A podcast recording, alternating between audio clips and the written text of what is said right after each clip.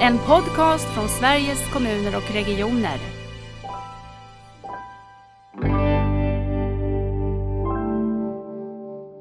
Vad är det man behöver när man lever med typ 1-diabetes? Vad är det vi saknar idag i vården?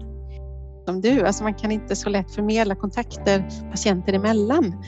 Men här kan man ju få kontakt med väldigt många väldigt fort. Eh, och ser vi inte av någon på ett tag, då tänker vi att det är ett väldigt positivt tecken. Då är det någon som, som mår väldigt bra i sin sjukdom ändå.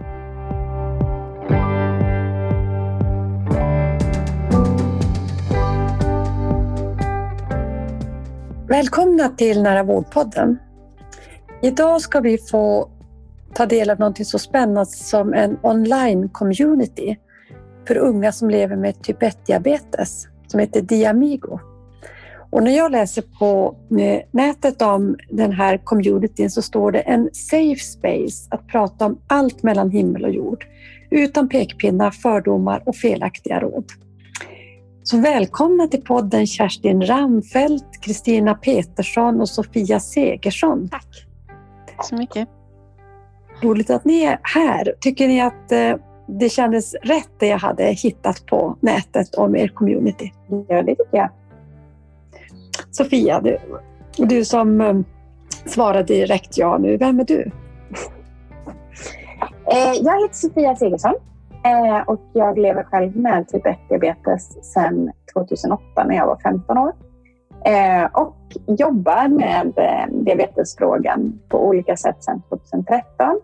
Jag föreläser och bloggar och talar på event och designar produkter och allt mellan himmel och jord. Eh, allt där jag får en chans att eh, lyfta patientperspektivet i det hela. Um, och jag trillade in i communityt på våren 2019 som contentskapare först. Så att jag eh, skrev lite texter och gjorde lite videos för medlemmarna. Eh, sen dess så har jag eh, blivit medlem och jag har jobbat med teamet bakom och är sen ett och ett halvt år tillbaka eller något sånt där, eh, community manager inne på, på Diamigo.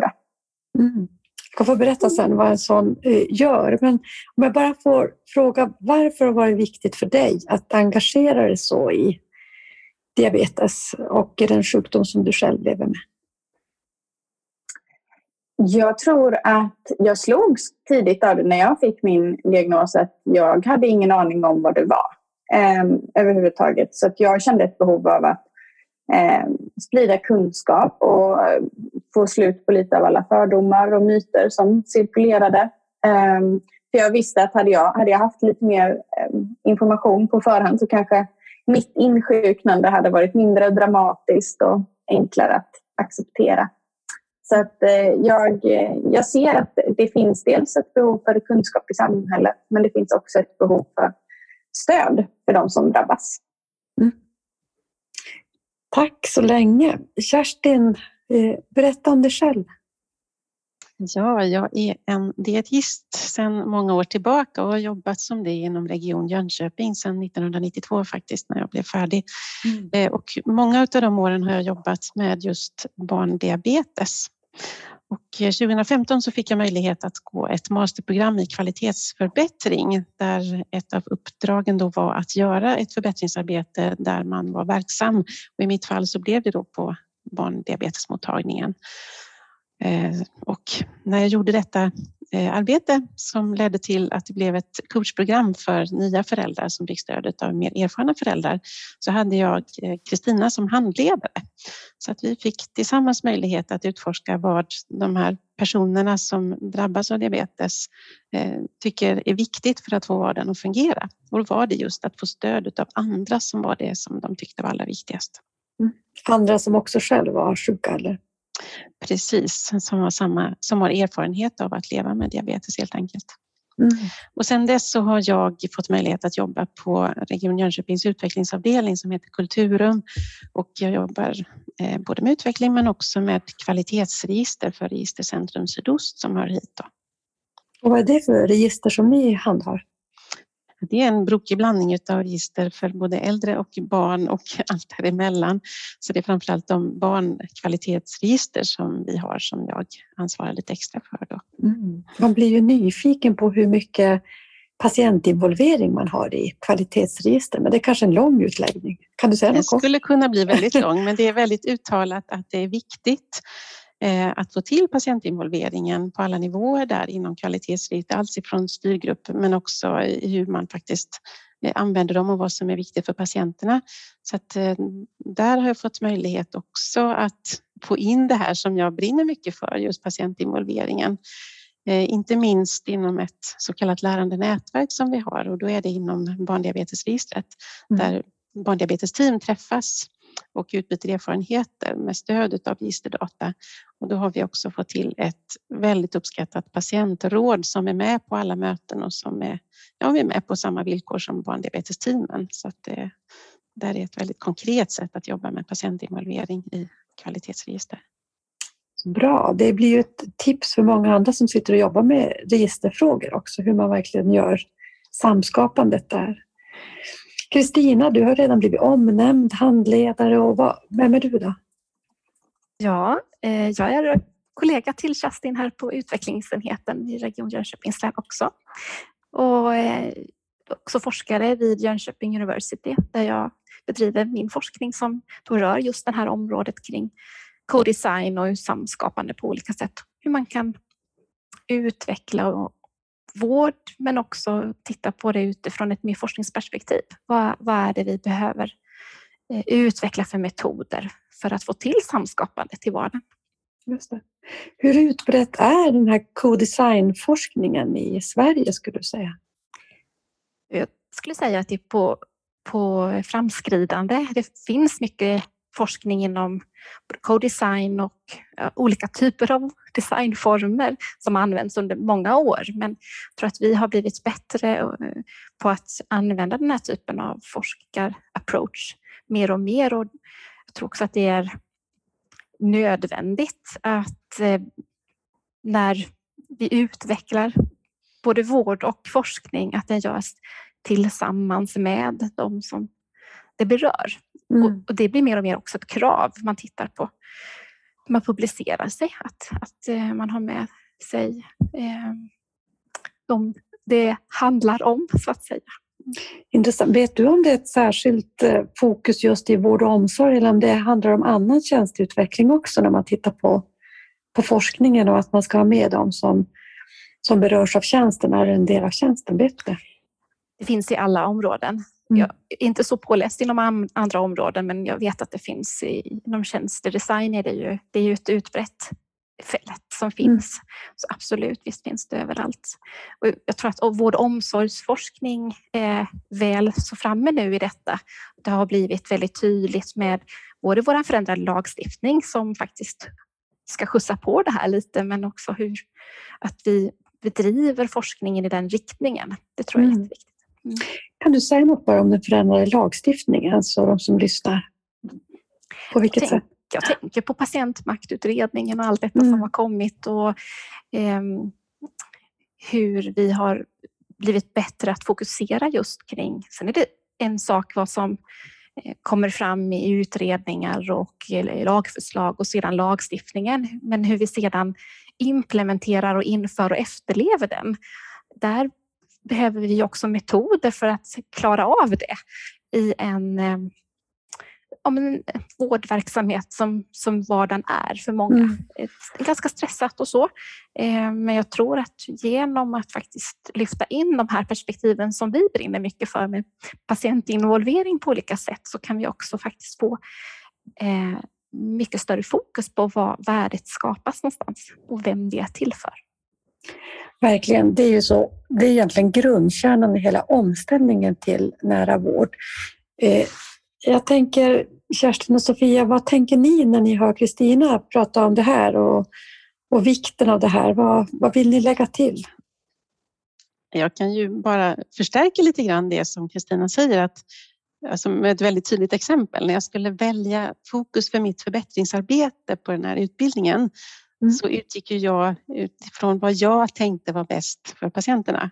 Eftersom jag är dietist så tänkte jag mat. Jag tänkte att eh, kolhydraträkning, vi gör en app för att underlätta för personerna att räkna kolhydrater i maten. Det. det tyckte jag var toppen och det, det, förstod jag ju att de behövde.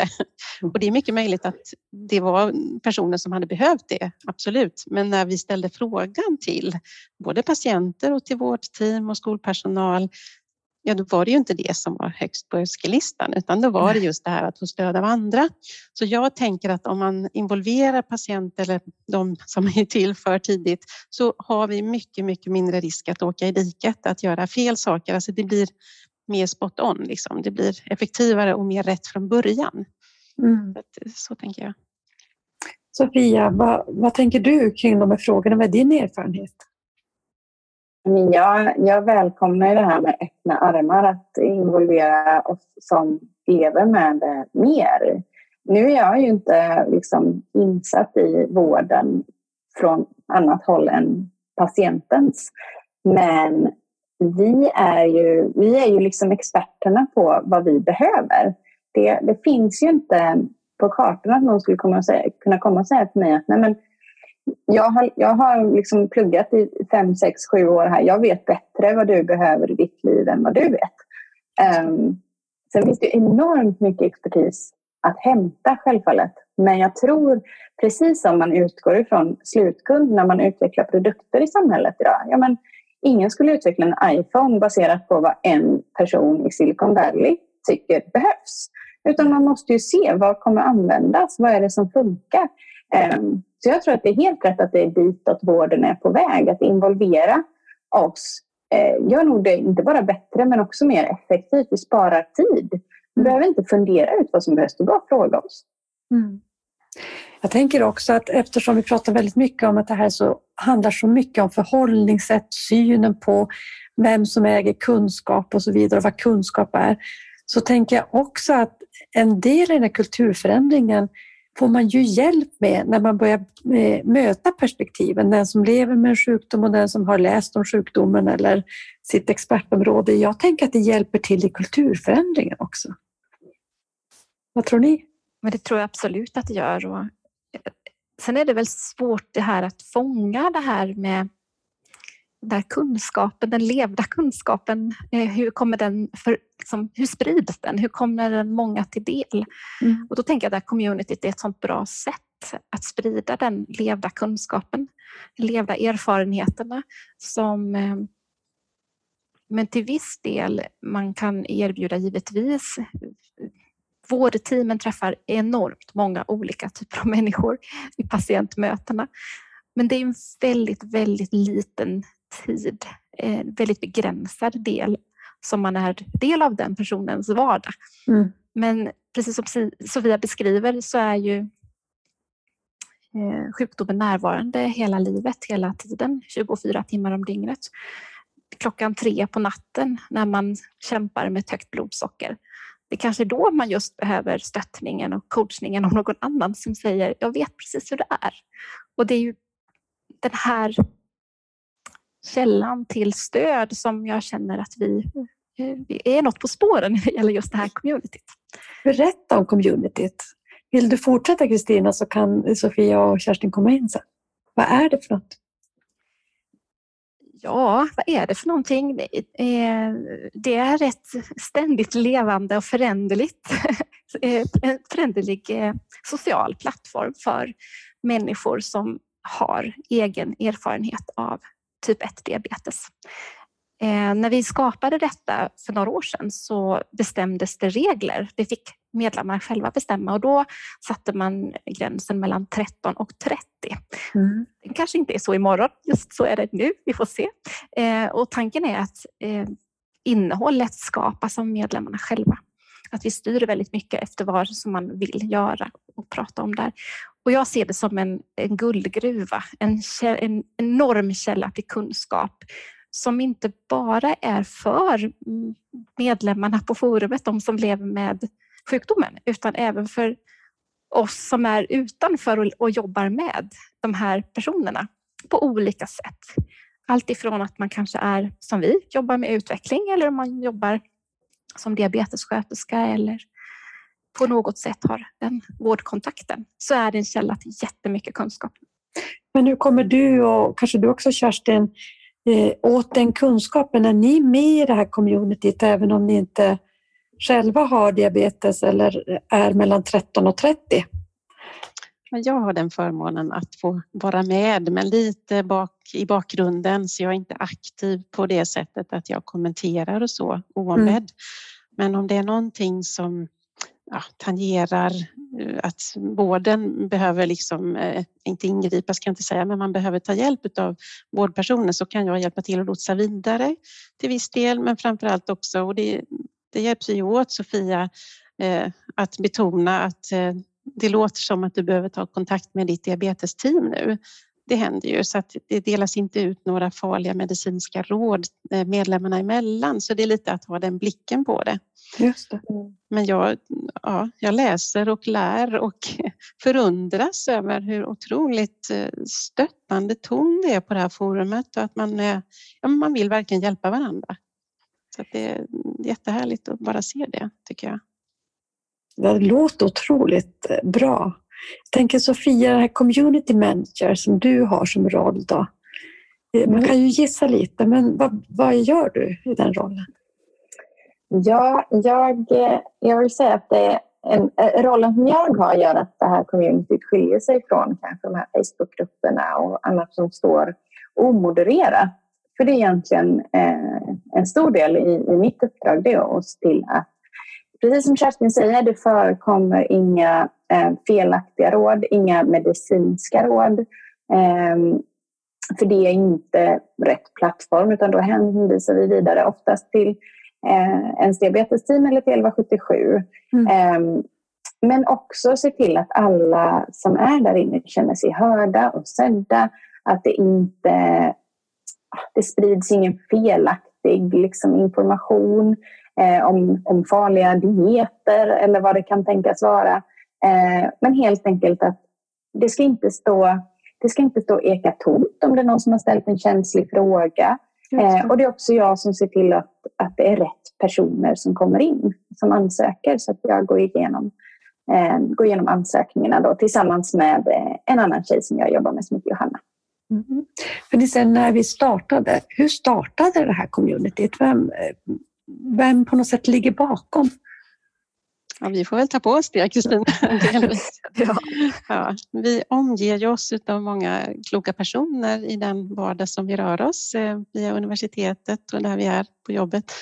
Så lyckliga omständigheter kan man väl säga gjorde att vi kom i kontakt med ett, ett företag som ville utveckla någonting för personer med diabetes. Mm. Som i sin tur hade kontakt med plattform då, hade den kanalen Mm. Och då så sa vi att okej, okay, det här vill vi gärna göra någonting då för ungdomar också, men då vill vi göra det med ungdomarna, precis som vi var inne på innan där, att samskapa med dem som vi är till för. Så att då intervjuade vi 36 ungdomar här i sydöstra regionen som var mellan 13 och 17 år om hur de såg på community, vad de tyckte var viktigt, vad de behövde. Eh, så att en och en intervjuer men sen hade vi också fokusgrupper där vi träffade då de här som hade möjlighet att starta upp det här forumet. Då. Just det. Så testades det. Och sen Sofia, är du då, eh, det blir mycket så formella frågor, men eh, är du då anställd av, av Kultura för att sköta det här eller hur fungerar det? Nej, vi har sedan bara eh, några månader tillbaka en ny ägare av det här eh, communityt eh, då det första företaget behövde byta riktning lite grann. Så att det satsas mycket på det här nu. Det är de jag jobbar med. Eh, men det är fortfarande eh, i startgroparna, ska vi väl säga. Så vi håller på att utveckla det i bakgrunden lite grann. För tillfället så ligger Diamigo i en sluten Facebookgrupp och det är inte där vi vill ha det. Eh, utan vi håller på att bygga upp en plattform i bakgrunden och eh, jag, jag är helt enkelt, jag är, jag är egenföretagare så jag gör ju det här som ett, eh, ett konsultuppdrag men jag jobbar inte i dagsläget åt Kulturum utan åt det här andra ägarföretaget. Just det. Kan, vill du och kan du beskriva någonting av vad det kan komma in för typ av eh, samtal? Tänk, inga pekpinnar och inga, ingen fråga som är fel och så. Vad, vad är det som är viktigt, som man behöver bolla med andra som har en egen erfarenhet?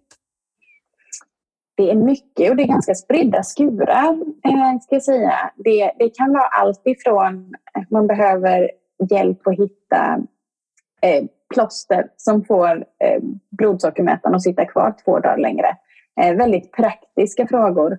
Eh, till att det kan vara de som bara behöver få skriva av sig för att man haft en riktigt dålig dag. Ehm, och då uppskattas det ofta att skri få skriva på ett sånt här ställe för att man, man uppfattas inte som, som gnällig eller man får inte kommentarer som att ah, men det finns de som har det värre.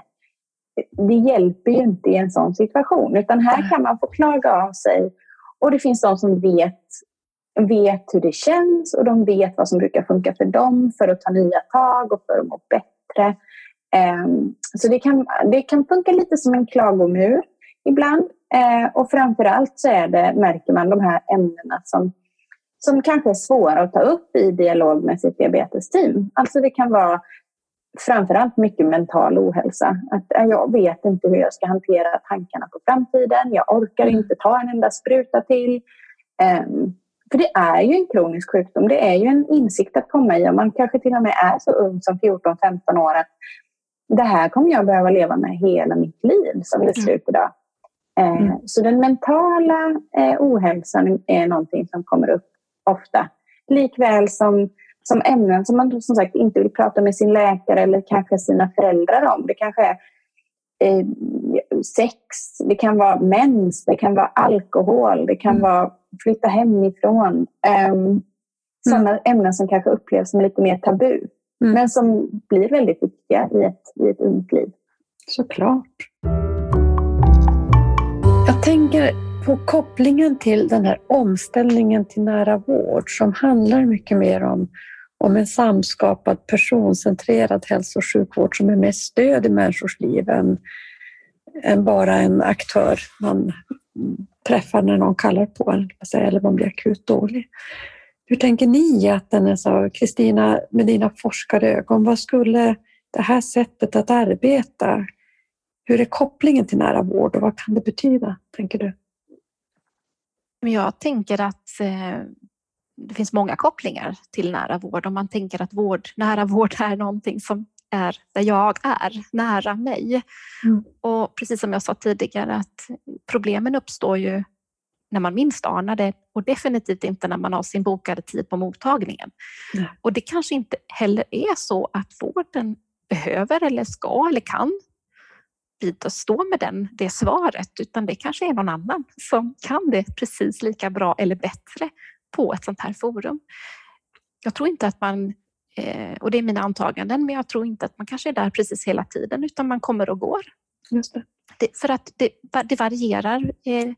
Det är klart att man har tillfällen i livet där det är tufft. Och det vet vi inte heller i vården när det inträffar. Nej. Eh, och därför så är det här ett, ett ställe att vara på. Eh, det kanske räcker att läsa andras inlägg. Det vet vi också när vi tittar på forskningen på andra typer av sociala eh, communities att väldigt, väldigt många kanske inte skriver några inlägg överhuvudtaget, men de läser det. det. Då är det också viktigt att vi förmedlar det här eh, som Sofia just beskriver. Jag tänkte också på det här med de här digitala fika som vi har haft där man bjuds in och ni diskuterar olika ämnen som också medlemmarna själva bestämmer. Där man också kan komma in och bara lyssna och behöver inte delta heller utan bara kunna samla lite kraft i att det finns någon mm. annan som har det precis som jag. Det tror jag är en viktig kraft och det tror jag är viktigt för alla som lever med en kronisk sjukdom eh, Eh, på olika sätt. Sen har vi olika behov och det måste ju vården på något vis möta. Så det här är en del av paletten. Det är inte svar på allt, men det är ett litet svar för några. Ja. Kerstin, tänker du, hur tänker du? Och tänker du med din utvecklingserfarenhet också? Vad, vad kan det här spela för roll i omställningen till nära vård? Men jag tänker precis som du sa Kristina att det här är ja, en pusselbit liksom och att det vore det är osmart att inte använda all den här kompetensen som finns där. För det har vi ju verkligen sett att folk vill bidra med sin erfarenhet och kunskap och inte minst att peppa andra liksom, genom att tala om att okej, okay, jag hade det så här tufft också, men det kommer att bli bättre. Jag vet att det kommer att bli bättre för dig också. Man vill väldigt gärna bidra med det och personer vill väldigt gärna få det stödet så att det vore det är så dumt att inte använda det, den kraften. Det tycker jag är otroligt viktigt i den nära vården.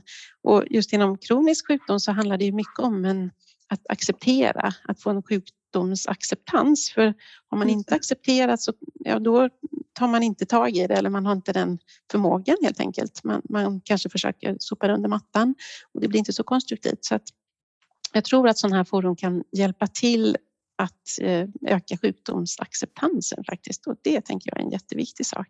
Mm.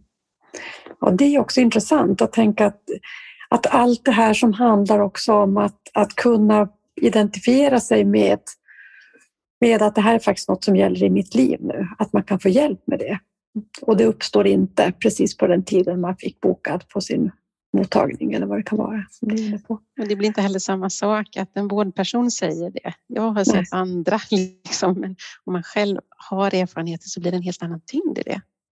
Ja, och det här är en fantastisk sak att kunna peka på. Jag tänker tillbaka när jag fick min sjukdom när jag var 15. Jag kände ju ingen som hade typ 1-diabetes. Det fanns ingen i min kompiskrets eller släkten eller sådär hade någon då bara kunnat ja, men gå in på den här länken och så kan du läsa och så kan du prata med dem som har det. Det hade ju varit helt otroligt. Ja. Alltså, för jag, det dröjde tills jag blev bjuden på något diabetesläger för unga i Småland som, innan jag förstod att jaha, nej, men det är ju inte bara jag. För jag kände mig som en på miljonen um, ungefär. Uh, så det här brukar jag tänka på. Det är lite som ett, ett sånt där härligt diabetesläger, bara det att det är digitalt och det finns hela tiden. Mm. Um, och det är ju precis så där, det är då det behövs. Liksom. Det behövs hela tiden. Um, mm. Så att, ja, nej, jag kan bara se tillbaka på att hur mycket jag hade behövt det. Jag tänker också, har vården, vi pratar mycket om mellanrumsarbete när vi pratar om omställning till nära vård. Att det gäller att få ihop de här olika aktörerna, det kan vara olika aktörer inom vården, men också med civilsamhället. För man får säga att det här är ju någon typ av annan aktör, även om ni också är involverade från kulturen till exempel. Men vad har vården för roll i det här? Eh, att få ihop dem i mellanrummen, mellan sådana här communities. Vad ska vi ta för, för roll från vårdens sida? Jag tänker att eh, vi har några idéer om hur man skulle kunna utveckla det här vidare eh, på olika sätt. Vi pratar ju väldigt mycket om i vårt dagliga arbete om med patientinvolvering i förbättringsarbeten och så vidare och att det kan vara ganska svårt att få till det. Mm. Men här har vi ju ett väldigt simpelt sätt att få den tillgången. Vi har testkört till exempel och låtit ett team eh, fått träffa eh, och varit med på ett sånt här digitalt fika som vi nämnde tidigare. Och, och bolla tankar kring hur, vad kan vården göra? Eh, och vad, det kan ju vara ganska förutsättningslöst men det kan ju också vara väldigt specifikt riktat. Vad är det man behöver när man lever med typ 1-diabetes? Vad är det vi saknar idag i vården? Mm. Och vi har ju även testat lite sådana här enkäter. Kanske Sofia kan berätta lite mer om? Ja, nej men vi, precis. Och jag tänkte bara säga det med de här digitala fikorna. Det här var ju tillfrågade vi medlemmarna, vill ni prata med vården? Så det var inte som att de hijackade communityt på något sätt. Mm. Um, men uh, jo, vi, hade, vi har haft en, ett sånt här Google-formulär som har legat som vi kallar för uh, patientfeedback.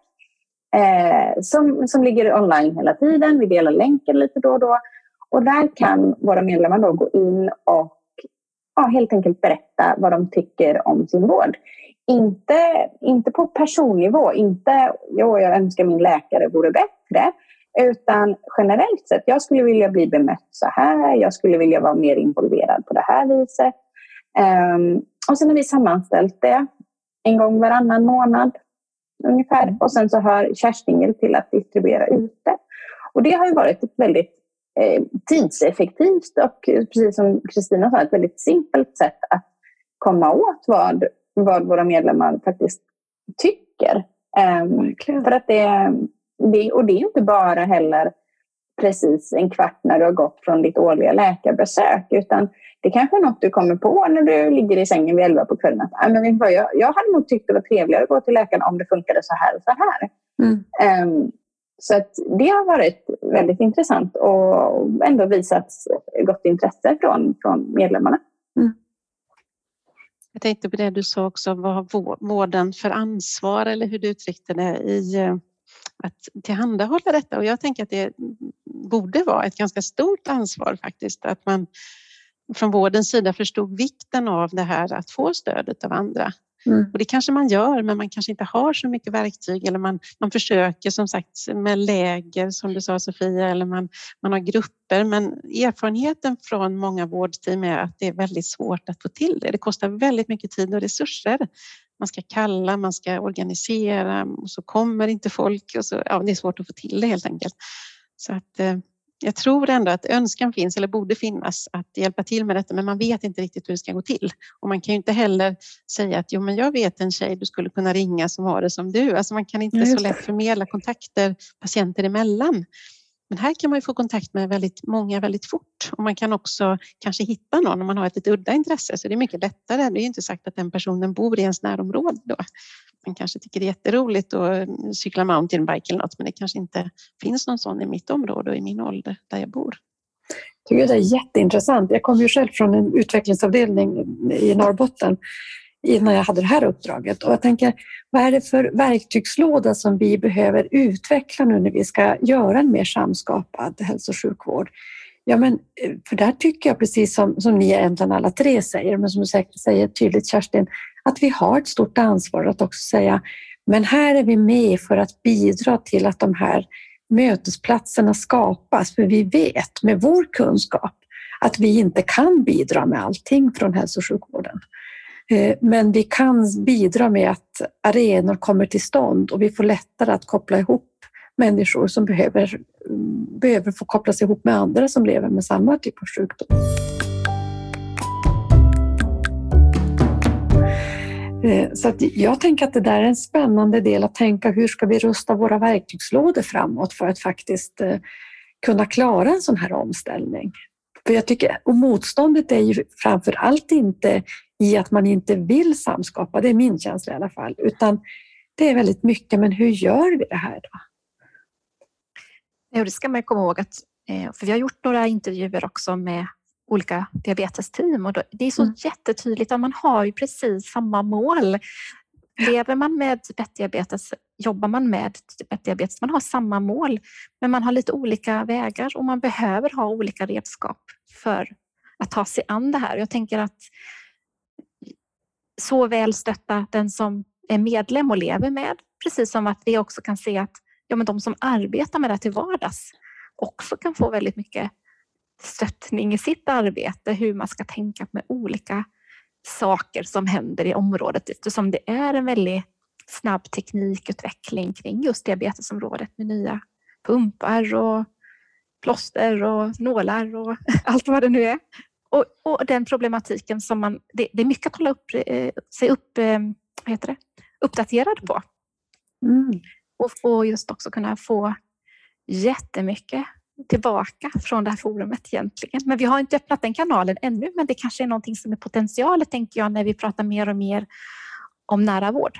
Ja, och att den inte är bara just på sjukhuset. Den är ju hela tiden. Nej men verkligen. Och vad spännande också att ha det medarbetarperspektivet, att vi kanske också behöver hitta communities för att, att dela erfarenheter också för medarbetare. Det tror jag absolut. Mm. Mm. Ja, en kort fråga innan vi ska avrunda och med vår nära vårdpoddsfråga i slutet. Men vad tycker medlemmarna i communityn? Det är kanske är en ledande fråga. Men, ja, de, de är ju där tror jag. De hittar ytterligare en kanal att finnas i för att de känner att den behövs. Ehm, jag tror att i dagens digitala landskap så är det inte brist på ehm, kanaler och konton och inlogg och lösenord och allt vad man behöver hålla koll på. Ehm, men det här har ju sin väldigt klara nisch. Och det vi har hört tillbaka och det vi får tillbaka det är just det här att det är så, det är så tryggt. Det är, inte, det är inte insyn från vem som helst. Det blir inte ihopblandat med andra sjukdomar eller pekpinnar från andra håll.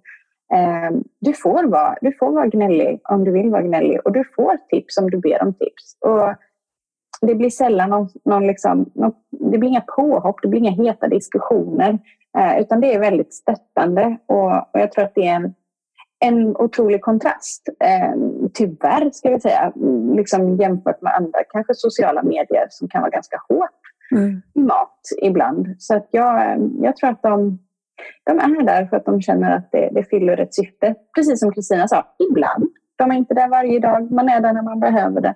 Eh, och ser vi inte av någon på ett tag, då tänker vi att det är ett väldigt positivt tecken. Då är det någon som, som mår väldigt bra i sin sjukdom ändå.